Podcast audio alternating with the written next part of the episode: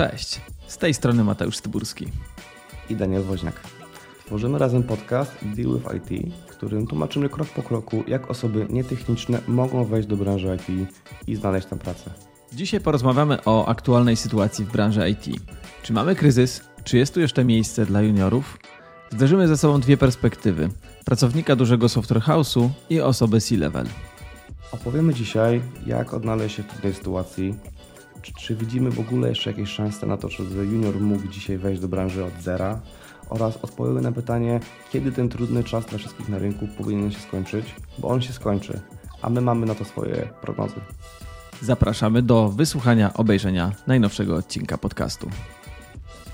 Cześć. Jak pewnie zauważyliście, w ostatnich miesiącach ogólnie na świecie sytuacja makroekonomiczna trochę się utrudniła. W miesiącach, już nawet pewnie można mówić o latach, o których, których słyszy się o kryzysie. Niektórzy mówią, że ten kryzys się już pojawił, jesteśmy w pewnego końcówce. Inni mówią, że on dopiero się wydarzy i to, co mamy teraz, jest dopiero przedsmak. Jak będzie, tak naprawdę trochę tego nikt nie wie. Natomiast niezależnie od tego, jaka jest prawda, na pewno nasza, nasza branża e, IT już dostała e, pewnym, pewnym rykoszetem. I o tym dzisiaj chcemy z Mateuszem porozmawiać. Jaki my widzimy wpływ tego, co się działo w ostatnich miesiącach i latach na aktualną sytuację w branży IT? Jak wygląda sytuacja juniorów? Jak znaleźć pracę de facto jako junior w tej sytuacji? Jak się to, to zabrać? E, bo na pewno jest to sytuacja trudniejsza niż jeszcze była rok, dwa czy trzy temu. Także o tym dzisiaj porozmawiamy. No i myślę, że możemy przejść, Mateusz, od razu do, do rzeczy. Tak. Cześć Daniel, um, witajcie. Jak myślisz? E...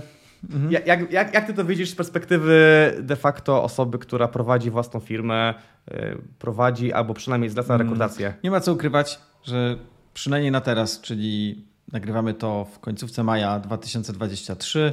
Publikacja odcinka jest na początku czerwca. To sytuacja faktycznie jest, tak jak mówisz, jest, jest y, nie najlepsza. Nie nazwałbym tego jeszcze kryzysem. To jest raczej mocna korekta, nawet nie jest to jeszcze recesja w branży. Niektórzy określają to mianem normalizacji, czyli krótko mówiąc, specjaliści, stali się dostępni E, juniorzy nie mają tak łatwo, żeby się dostać i nie działa to już tak jak półtora roku temu, gdzie troszkę z łapanki każdy mógł się dostać do branży IT.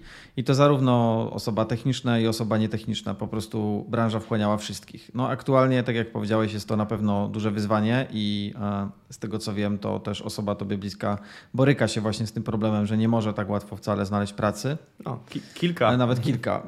Także jest to na pewno ważny temat, który, który z racji kanału i, i, i tego, że wiemy jakby do kogo mówimy i wiemy, że staracie się przebranżowić, no jest to bardzo istotne i nie chcemy też ściemniać i nakręcać, mówiąc, że jest to kraina mlekiem miodem płynąca, bo generalnie jest naprawdę dobrze, ale aktualna sytuacja no, niestety bardzo mocno komplikuje.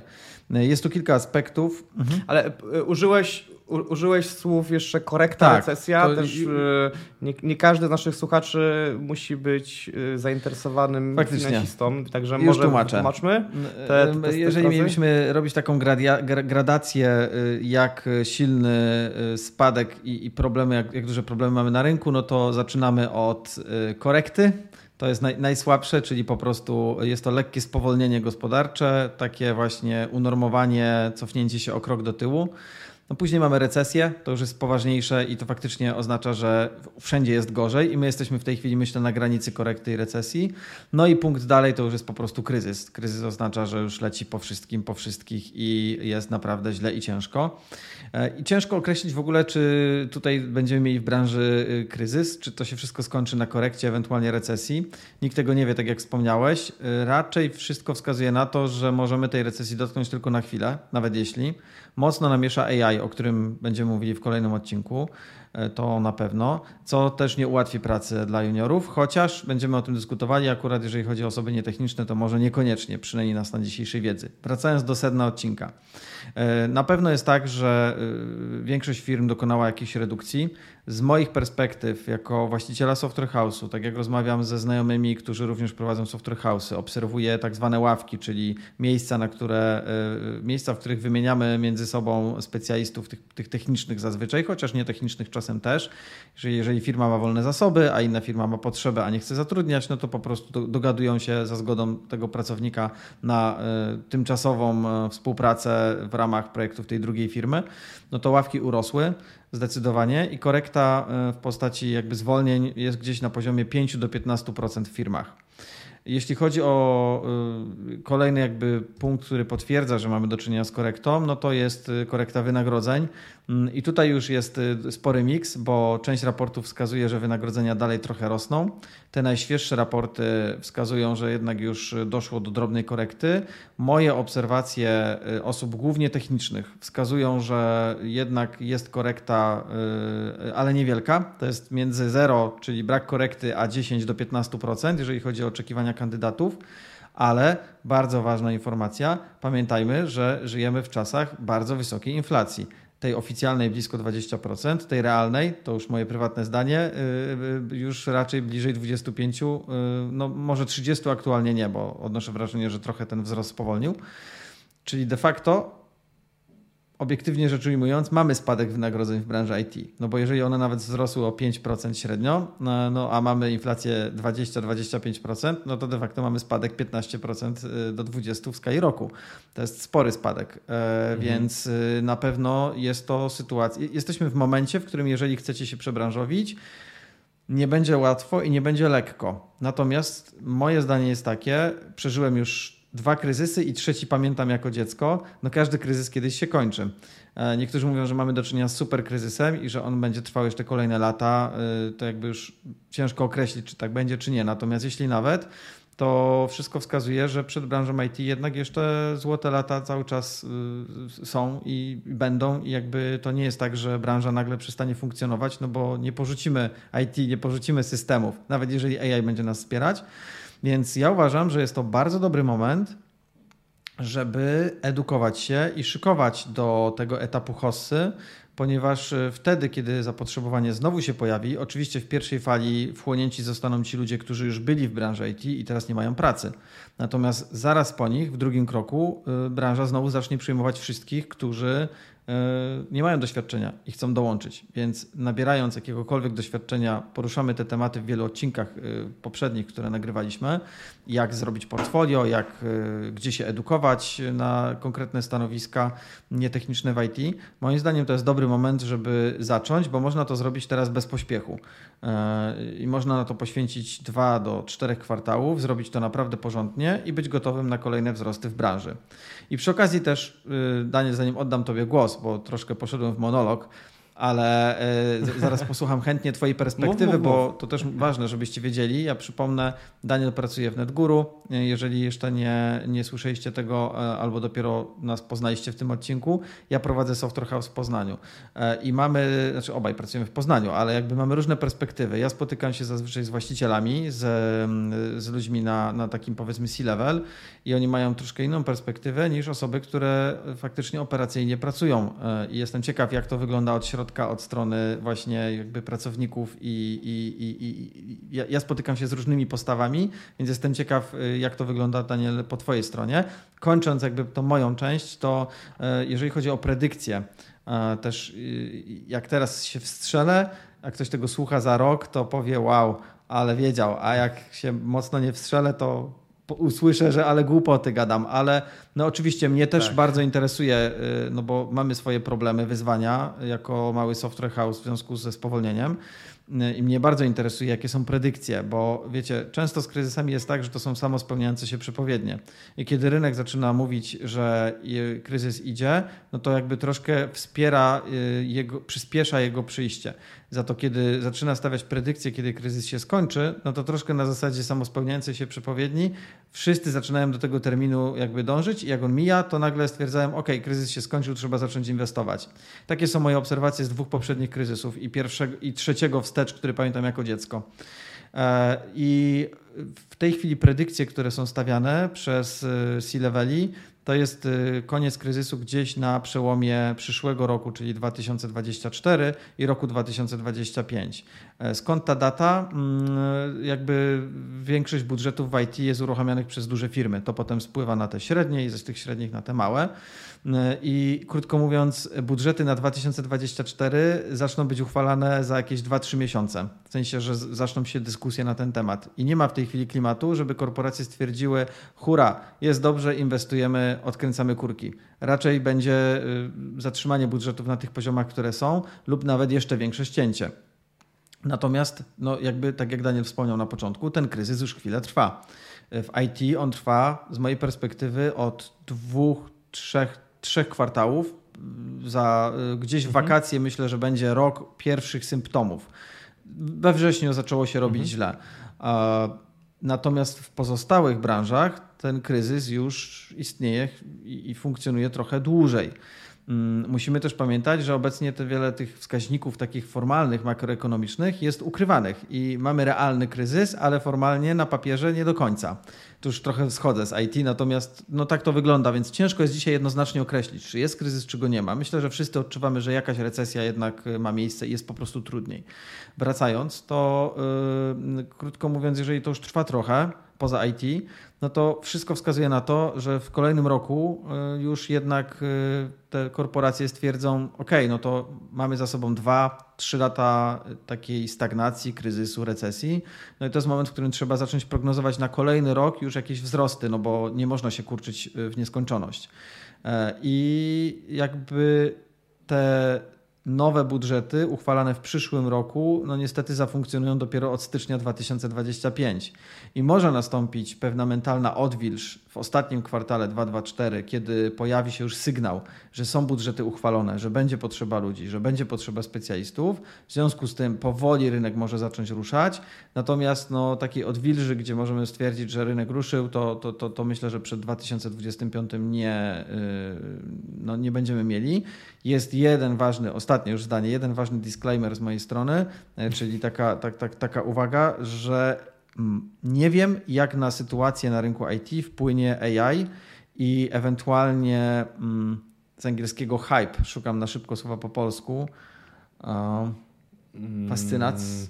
Chyba nie ma. Ale chyba wszyscy nie wiemy o co chodzi. Słowa. Takie nakrę nakręcenie no więc e, jakby w tej chwili my obserwujemy hype w branży IT e, i ja i tak widzę, że on jest umiarkowany on jest nie na poziomie firm IT, tylko on jest na poziomie specjalistów, konkretnych osób, które się po prostu zajawiły tematem i widzą, że jest to rewolucja. My również, o czym powiem w kolejnym odcinku, jako G-Group y, troszkę w tym siedzimy i ja jestem zafascynowany możliwościami.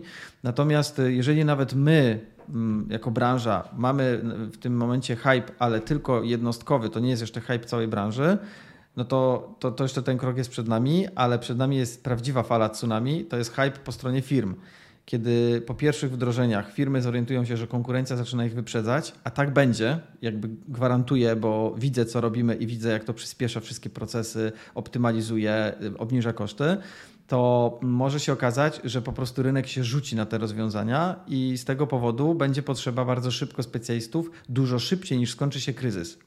Więc nie zdziwiłbym się, gdyby się okazało, że branża ruszy szybciej, na przykład za rok od dzisiaj.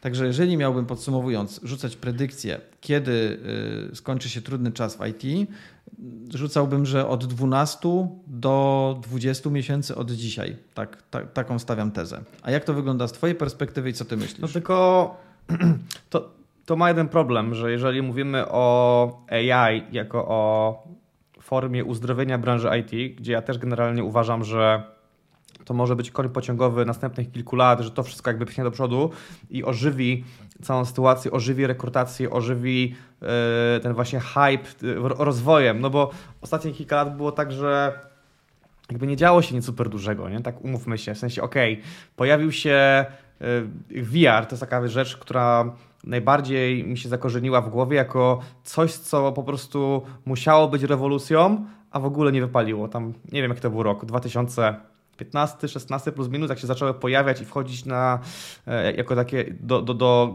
codziennego użytku wiarowe rozwiązania. Na początku się wszystkim wydawało, że to jest super, ale w sumie nie siadło. Potem było co? Potem był metaverse. Blockchain. Pewnie jeszcze było parę rzeczy po drodze, ale E, no, to jest trochę Ale blockchain, temat, ale no, to jest rewolucja. No, ja często o, o takie... przy, przyrównuję teraz AI do, do rewolucji blockchain i jest, to jest dużo większe. Ale ja mówię o takich nieudanych okay. rewolucjach. Na zasadzie, a przynajmniej so far, no, metaverse y, się pojawił, Facebook zainwestował miliardy, miliardy i cały i cały swój shift y, przerzucił właśnie fokus na, na, na metaverse. Chciał jakby wmusić ludziom, że to będzie fajne, że to będzie ciekawe. No w, w ogóle to na razie nie siadło. I, i, I to tak trochę, miałem takie wrażenie, że te różne takie breakthrough w technologii już nie są takie fajne. To, to nie jest takie interesujące, a AI nagle ożywiło całą tą branżę, że jednak te, te nowości mogą być faktycznie interesujące i się przekładać. Więc absolutnie tak, ale do czego zmierzam?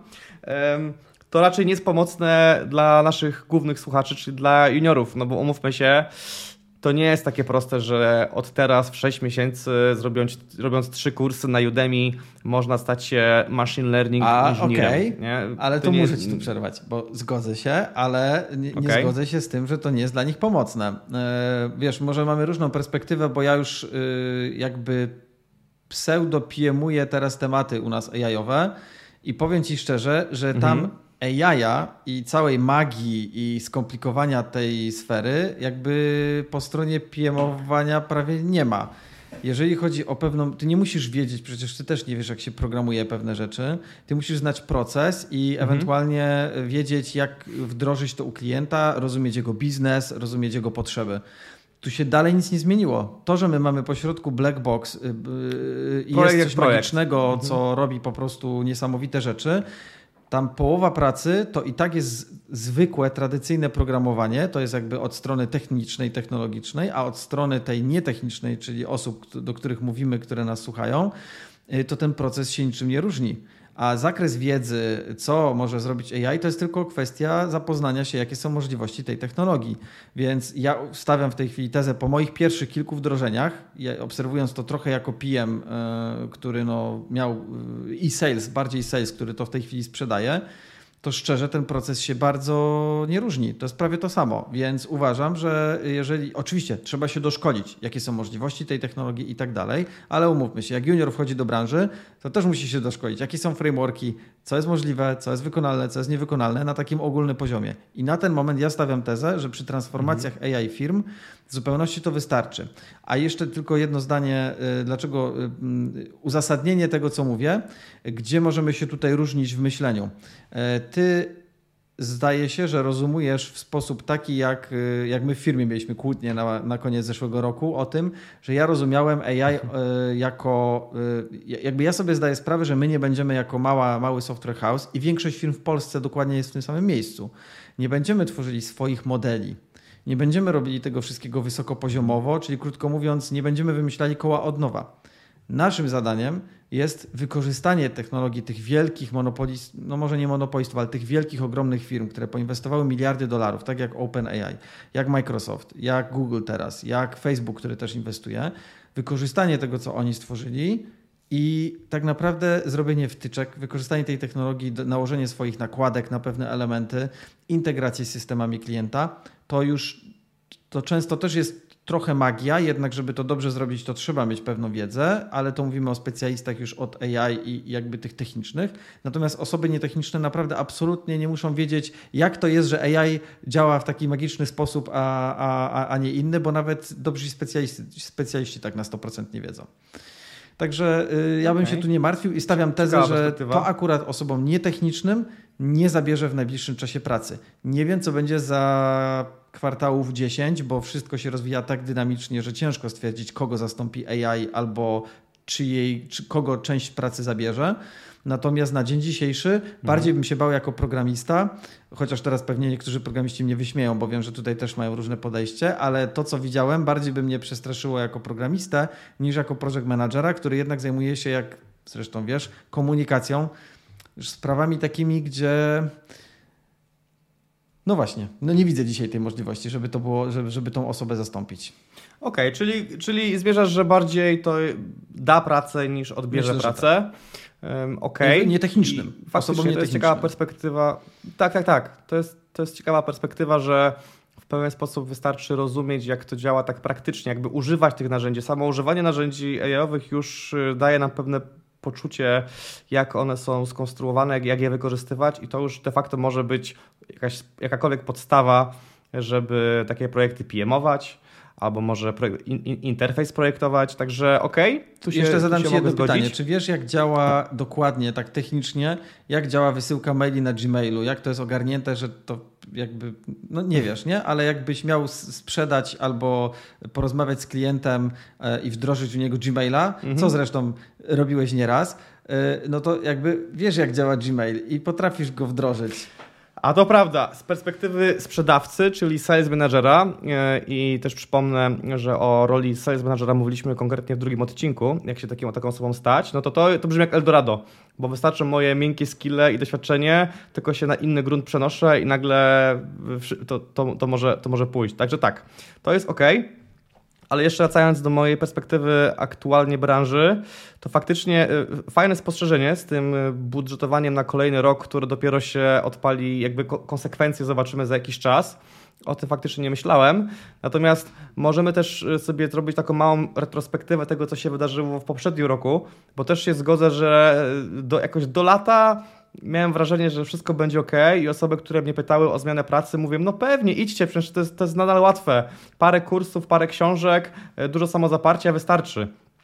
I jakoś tak od końca lata, od tego września, października zacząłem zauważać, że te oferty zaczęły znikać, że coraz większe były wymagania. My w NetGuru przestaliśmy rekrutawać, a do tamtego momentu jeszcze mieliśmy tak zwaną e, rekrutację stałą. Ona się tym charakteryzuje, że nieważne czy jest projekt, czy nie ma projektu, my szukamy ludzi, bo i tak wiemy, że coś dla nich znajdziemy, a przynajmniej szukaliśmy.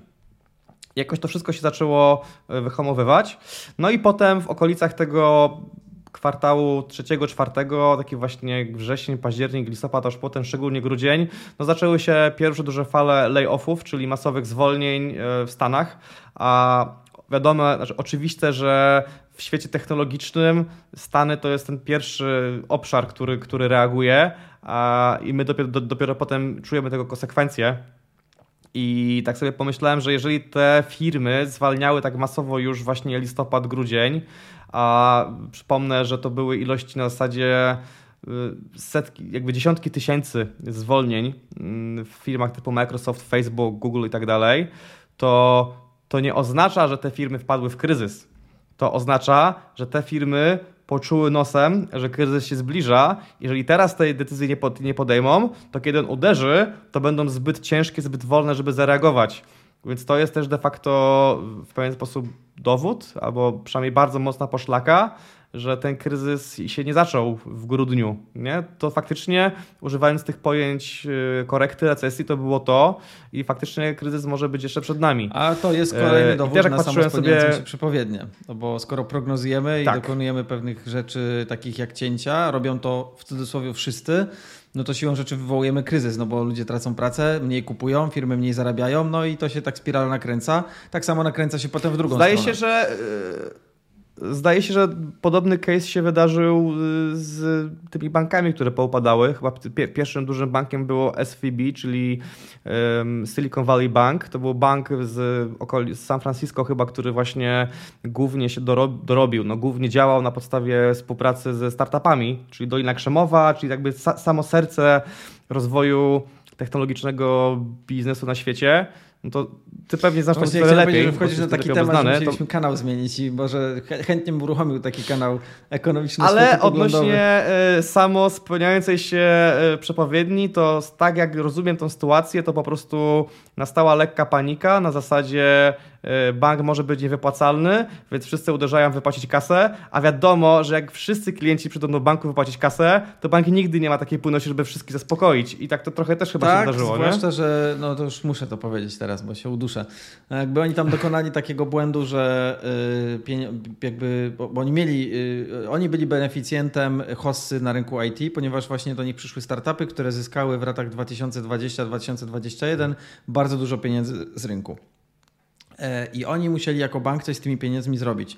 I zrobili bardzo głupią rzecz. Nie wiem, jak to możliwe w takiej dużej instytucji i, i jakby nie mam pojęcia, ale włożyli część pieniędzy i to sporą w obligacje po prostu obligacje Stanów. No i kiedy długoterminowe, długoterminowe i kiedy zaczęły się problemy na rynku, e, no to jakby rentowność, już nie chcę wchodzić w szczegóły, ale no to, to muszę powiedzieć, rentowność obligacji zaczęła spadać, więc jakby krótko mówiąc, na krótką chwilę te pieniądze, które oni mieli, stopniały. One w długim terminie, gdyby je trzymali tam te 10 lat, bo chyba na tyle były obligacje, to one byłyby warte tyle, ile powinny być. Natomiast krótkoterminowo stopniały, ponieważ gdyby chcieli dzisiaj je, te obligacje sprzedać, dostaliby mniej dolarów niż wydali na ich zakup. I w momencie, kiedy zaczął się... Bo karę by musieli opłacić, nie? Za, bo musieliby karę no, tak jak, za no, przedterminowe wypłacenie. to tak. Nikt by nie kupił po prostu w tej, w tej chwili, a jeżeli miałby kupić mhm. rząd, no to by właśnie kupił z taką karą, nazwijmy to, czyli, czyli taniej niż e, sprzedawał. E, I e, jakby kiedy zaczął się run, to znaczy firmy, startupy zaczęły wyciągać pieniądze, no to faktycznie dosłownie im się skończyły te środki, musieli dokonać sprzedaży tych obligacji. No jak sprzedali je ze stratą, zgadnij kto kupił e, sporą część tych obligacji. Oczywiście najbardziej znany inwestor świata Warren Buffett, który po prostu sobie poczeka i odbierze te pieniądze za x lat z bardzo fajnym procentem, no bo kupił to teraz z dużym rabatem. Także inwestycja 100% pewna. No to, to po prostu mieli stratę i, i zaczęła się panika, że tych pieniędzy im zabraknie. Mhm. Także to była taka sama nakręcająca się spirala i dokładnie mamy do czynienia teraz y, na rynku. Y, I, i, I dodałbym jeden komentarz do tego, co powiedziałeś, że póki co to faktycznie jest dlatego, nazywamy to korektą, że jesteśmy tuż po bardzo dużym wzroście i w tych korporacjach, i w małych firmach. I ten wzrost był wręcz nienaturalny, jak tak spojrzeć historycznie, w 2020, 2021 i częściowo w 2022. Naprawdę był to wzrost nienaturalny. E, I jeżeli nam wzrosło, ja teraz nie pamiętam, ale yy, kojarzę, że my mówimy o setkach tysięcy zatrudnionych wtedy ludzi, na przykład w takim Google, a korekta jest na 20-30 tysięcy ludzi no to, to jak patrzymy na liczby, to jest 20-30 tysięcy mniejszych lub większych tragedii. No jasne, ale wcześniej firma urosła kilkukrotnie więcej. Więc to nie jest tak, że firma, że teraz mhm. firmy się, mówiąc kolokwialnie, zwijają i y, likwidują, no tylko po prostu y, zweryfikowały zatrudnienie, póki co, bo to się oczywiście może pogłębić, ale póki co zweryfikowały zatrudnienie i po prostu odcięły to, co było niepotrzebne, co też jest znowu naturalne bo musimy wiedzieć już, tak zahaczamy dzisiaj trochę o te techniczne, ekonomiczne kwestie, ale to się wszystko wiąże z obecną sytuacją. No nie da się tego osobno y, rozpatrywać. To jest naturalne, że w okresie hossy właśnie firmy zatrudniają coraz więcej ludzi, często niepotrzebnie, często z dużo mniejszym doświadczeniem niż by mogły i wtedy jest bardzo łatwo. No i następnie jak przychodzi gorszy czas, no to się po prostu odcina to, co niepotrzebne i jest wtedy bardzo trudno. I szczęście w nieszczęściu, że no, tak, jak, tak jak powiedzieliśmy, my na pewno nie jesteśmy w pierwszym miesiącu. To jakby rok temu, gdybyśmy rozmawiali, to ja miałem większy strach, że jakby wiedziałem, że my jesteśmy na końcówce górki i to za moment wszystko się skończy. No dzisiaj jesteśmy już rok od tego, no może nie rok, ale 9 miesięcy od tego, kiedy faktycznie y, zaczęliśmy pikować, może nie pikować, ale schodzić w dół. I yy, stawiam tezę, to co ty powiedziałeś potwierdzam, że może być gorzej że naprawdę może nas czekać jeszcze 2-3 kwartały zdecydowanie gorsze, może nawet 4. Natomiast nie jesteśmy na początku tej drogi, a już co najmniej w jednej trzeciej. Także, a kto wie, czy nie w połowie. Więc, y, więc ja patrzę mhm. z umiarkowanym optymizmem. Natomiast trzeba się uzbroić, to jest, moja, to jest moje zdanie, że trzeba się uzbroić w cierpliwość i aktualnie nie liczyłbym na to, że jeżeli pracujecie w zupełnie innej branży i chcecie się przekwalifikować, to że jesteście w stanie znaleźć pracę w kwartał czy nawet w dwa, e, bo po prostu chcecie wejść do IT. To, to jest w tej chwili prawie niemożliwe moim zdaniem. Tak. Potwierdzam, to jest bardzo, bardzo trudne. Można to uprościć do takiego stwierdzenia, że mm, poziom wejścia się podniósł o jeden level w górę. I przez level mam na myśli level, jak to się określa, seniority, czyli poziom doświadczenia danego pracownika. W, naj, w największym uproszczeniu mamy trzy poziomy: junior, mid, czasami się nazywa go regularem i senior. Czasami jeszcze dochodzi do tego ekspert, to jest ktoś ponad seniorem, a czasami jeszcze dochodzi trainee, czyli taki stażysta. Ale generalnie się obracamy wokół właśnie junior, mid, senior. E, I tak to wygląda, że poziom wiedzy i doświadczenia, który jeszcze rok temu by pozwolił ci być juniorem, to dzisiaj musisz mieć to samo e, midem, to dzisiaj to, to samo, nie na odwrót, e, żeby dzisiaj midem. Czyli tak naprawdę te parę kursów i parę książek, które, które by się przerobiło, to, to, to rok temu by mogło wystarczyć, a dzisiaj nie. Do tego możemy jeszcze dodać fakt, że Dalej są ogłoszenia o pracę, bo to nie znaczy, że nagle te wszystkie portale ogłoszeniowe się po prostu zawinęły i też nie ma, nie ma w ogóle o co się starać, bo jest, jest o co walczyć. Natomiast jest dużo większa konkurencja. Raz, że sporo osób jakby ucierpiało na zwolnieniach, więc siłą rzeczy one napłynęły na rynek, a osoby, które zostały zwolnione, nie zostały do tego zwolnione, że źle performowały. Tak to dziwnie brzmi, ale generalnie y, nie, nie radziły sobie. To z reguły byli dobrzy pracownicy, którzy, którzy byli doświadczeni i, i mają dobre, mieli dobre wyniki, więc oni na starcie będą mieli trochę lepszą sytuację niż osoby, które już były na, na rynku pracy. Do tego jeszcze cały czas trwa ten właśnie, ponownie powiemy, hype na branżę IT, który już trwa od lat kilku. I między innymi też po to ten podcast powstał, żeby właśnie do tych ludzi trochę ich e, zachęcać, motywować, pomagać, więc cały czas tych ludzi przybywa, a ofert po prostu przybywa w mniejszym stopniu, więc jest dużo trudniej. No i to, co powiedział Mateusz, również jest prawdą, że dla juniorów to jest szczególnie trudny okres, bo jak jeszcze rok temu się ich zatrudniało, bo choćby, się, choćby byli niepotrzebni, to coś dla nich by się wymyśliło, a nawet jeśli byli niepotrzebni tu i teraz, bo nie było dla juniora projektu, to i tak było wiadomo, że kilka miesięcy inwestycji i ten junior się jakby wytrenuje i wskoczy na wyższy poziom, a dla MIDA już jakiś projekt znajdzie. No to teraz po prostu te same budżety, które się miało na inwestycje w pracowników i w ich rozwój, no już albo nie istnieją, albo zostały przekierowane na, na, na same produkty, na zarabianie pieniędzy, a nie na inwestowanie w porządkujących mm, specjalistów. Więc da się, to nie jest niemożliwe, ale jest to znacznie trudniejsze i trzeba sobie znacznie dużo więcej czasu zarezerwować. Teraz, gdyby ktoś mnie zapytał, ile trzeba się uczyć, żeby juniorem zostać, to może inaczej. Jakby ktoś pytał rok, dwa czy trzy lata temu, to odpowiadałem z reguły, że to oczywiście zależy od specjalizacji. Myślę, że największy próg wejścia mają oczywiście programiści, bo tam jest zawsze najwięcej takiej technicznej wiedzy do, do zdobycia. W przypadku PMA to nawet czasami mówiłem, że wystarczyłyby intensywne 3 miesiące i już by można się było starać o pracę, albo pół roku w przypadku projektanta, to teraz myślę już przynajmniej dwa razy tyle, jak nie około trzy razy tyle. Czyli dla PMA bym dałbym spokojnie od pół roku do roku takiej nauki intensywnej, i wykazywania tego swojego doświadczenia, bo w tym momencie już sama nauka też nie wystarczy, już trzeba mieć to doświadczenie skądinąć. I również, jeżeli Was interesuje, jak taka osoba jak PM, czyli projekt manager, może zdobyć doświadczenie nie pracując jeszcze w IT, o tym również mówiliśmy w odcinku pierwszym bodajże, kiedy bardziej szczegółowo wchodziłem w kwestię PM-a i mówiłem, w jaki sposób można swoje portfolio zbudować, którym już można by się pochwalić na rozmowie rekrutacyjnej, nie mając jeszcze stricte w IT doświadczenia. Więc trzeba się po prostu mieć tego świadomość i na pewno nie rzucać się, że tak powiem, na główkę, e, czyli nie rzucać swojej pracy tylko po to, żeby wejść w nowe, bo to wejście może trochę potrwać. Jak też sobie zrobiłem taki szybki research, jeżeli chodzi o portale pracy, to patrząc na Just Join IT, na NoFluff Jobs i na pracy.pl pod kątem konkretnie branży IT, to mniej więcej między 5 a 10% ogłoszeń to są właśnie ogłoszenia juniorskie. Na Just Joinie to jest 5% tylko, a na NoFluffie i na Pracuju około 10%, a cała reszta to są właśnie albo midi, albo seniorzy, plus minus się już tutaj popłudzieli.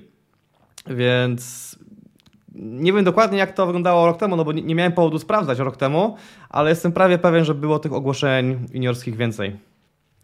Zgadzam się. E, natomiast e, dobrą wiadomością jest to, że e, no jakby cały czas jednak jakichś juniorów się poszukuje i na pewno jest to, mimo że procent jest niewielki, jest to troszkę więcej niż osób technicznych, ponieważ tam również mamy więcej osób dostępnych, ale dodatkowo mamy jeszcze wyzwanie pod kątem e, AI i zastępowania juniorów tych technicznych e, po prostu AI-em, o czym powiemy w kolejnym odcinku, mm, co na ten moment nie ma miejsca i potwierdzam po prostu po dyskusjach z właścicielami innych software house'ów, że jakby to, to nie ma miejsca w przypadku osób nietechnicznych. Nikt e, nie zastanawia się, jak, co to będzie i jak to będzie, więc myślę, że te wiadomości są złe, ale nie najgorsze. Mogłyby być jeszcze, jeszcze bardziej złe, więc mhm.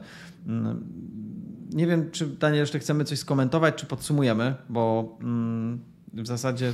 Myślę, że możemy podsumowywać e, powoli. No to wnioski, które ja wyciągam z tej naszej dzisiejszej dyskusji, to tak najprościej rzecz ujmując, y, mamy raczej złą sytuację ekonomiczną w IT i poza IT. Może się jeszcze pogorszyć. Nie liczyłbym na poprawę w najbliższych kwartałach. Raczej trzeba by to liczyć co najmniej rok od teraz.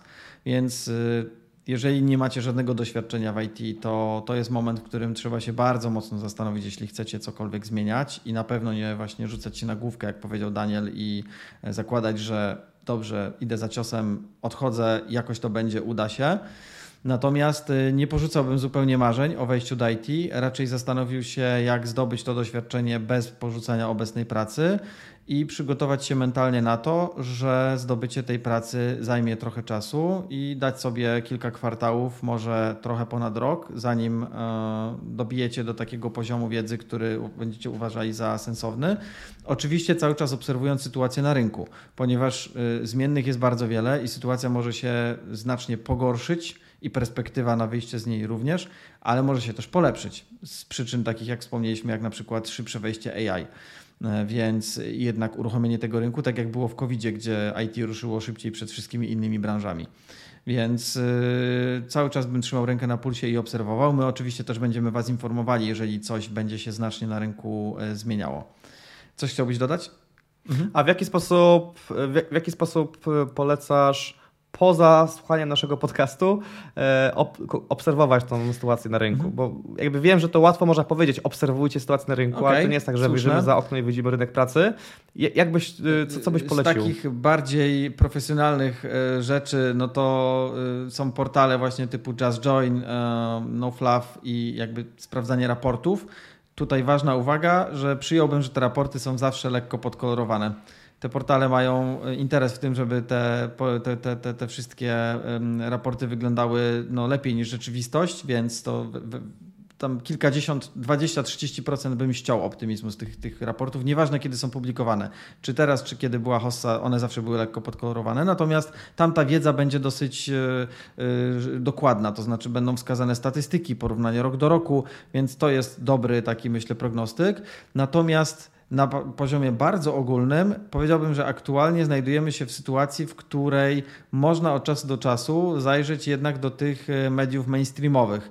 E, z takim komentarzem, że jeżeli w mediach mainstreamowych, a już obserwuję, pojawiają się artykuły, to już koniec, kryzys, kończy się strasznie, wszyscy tracą pracę, to przynajmniej jeżeli zobaczycie już, że z tego jest bardzo dużo na portalach typu Bankier, Money.pl, e, a nawet na Onetach czy WP, E, jeżeli tych artykułów już będzie bardzo dużo, to będzie oznaczało, że jesteśmy gdzieś już e, w, w, w dołku I, I, ja w tej chwili to obserwuję. Naprawdę pojawia się bardzo dużo artykułów, że jest ciężko w branży IT i tak dalej, więc dlatego stawiam tezę, że my już powoli zbliżamy się do środka, ponieważ wszyscy zaczynają o tym pisać, a jak mainstream zaczyna o tym pisać, to znaczy, że już e, się wylało.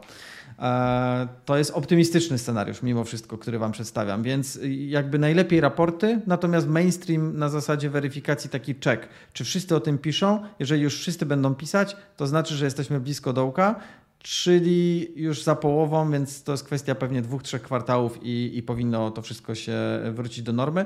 E, później po prostu te artykuły znikną. Już nikt nie będzie pisać, bo zazwyczaj kiedy jest, e, mhm. robi się dobrze, to nikt nie pisze. Dopiero znowu, kiedy będzie bardzo dobrze, to będą pisać, to już jest za późno. Więc, e, więc jakby te, te, te, te raporty, te portale plus mainstream do czasu, kiedy, kiedy będzie zalew informacji, że jest bardzo źle. Można, można tam po prostu zajrzeć. I jedno bardzo ważne źródło, no jeżeli macie znajomych w branży IT, to jednak bym pytał, bo y, w tej chwili impact na branżę jest tak duży, że to się będzie czuło po dwóch, trzech rozmowach, że ok, jest dalej ciężko, albo zaczyna się zmieniać i zaczyna być coraz lepiej. To są źródła, które ja bym wskazał. Jak z Twojej strony coś byś dodał? No myślę, że y, można wykonywać tak raz w miesiącu to ćwiczenie, które ja wykonałem na rzecz tego podcastu, czyli wejść sobie na te trzy portale, JustJoy, NoFlap pracują. Jakby nie, nie, reklamujemy ich per se, ale no, obiektywnie rzecz biorąc to są chyba jedne z głównych portali, yy, szczególnie JustJoin i NoFlap, bo one są konkretnie na IT nakierowane, a pracu jest ogólnie największe, ale ma kategorię IT. I choćby te trzy miejsca skanując, można sobie szybko podliczyć w głowie, mi to zajęło 5 minut, e, jaka jest właśnie relacja y, tych juniorskich ogłoszeń do, do, do, innych. Jak ona zacznie się podbijać z tych 10 średnio procent do 15-20, to już możemy czuć też, że ok, to już jest dobrze, bo firmy zaczęły znowu rekrutować, więc to jest moment, kiedy można z większym zaangażowaniem wejść w jakieś kursy, szkolenia i faktycznie tej pracy szukać. Także mamy nadzieję, że chociaż trochę Wam pomogliśmy. Naszym celem było w pewien sposób odniesienie się do rzeczywistości, która, tak jak Mateusz powiedział, nie oszukujmy się, trzeba nazywać rzeczy po imieniu, nie jest super dobra. Ostatnie kilka było super dobrych, czasem było lepiej, czasem bywa gorzej, więc mamy nadzieję, że może chociaż komuś zapał ostudziliśmy, kto gdybyśmy tego nie zrobili, mógłby teoretycznie błąd popełnić. E, zależy nam, żebyście się nie ładowali na minę, krótko mówiąc, bo wszyscy mówią, że w IT jest super, to, to idę w ciemno. E, znowu będzie, także uzbrojmy się w cierpliwość, róbmy swoje, analizujmy trendy. O AI powiemy szczegółowiej w kolejnym odcinku, jak konkretnie AI możemy wykorzystywać dla konkretnych ról, które możecie w IT przybrać, więc zapraszamy Was. No i co? Dzięki za wysłuchanie tego odcinka e, i przypominamy prośba, jeżeli podoba Wam się to, co mówimy i o czym mówimy, to zasubskrybujcie kanał, wyszerujcie, podzielcie się ze znajomymi, zaproście e, nawet do tego odcinka, e, żeby usłyszeli, jak wygląda sytuacja w branży e, i, i, i jakby posłuchali, jakie są perspektywy naszym zdaniem. Będziemy wdzięczni za każdego lajka, za każdy share. No i co? Dzięki za dzisiaj i do zobaczenia, do usłyszenia w kolejnym odcinku. Trzymajcie się. Trzymajcie się. Cześć.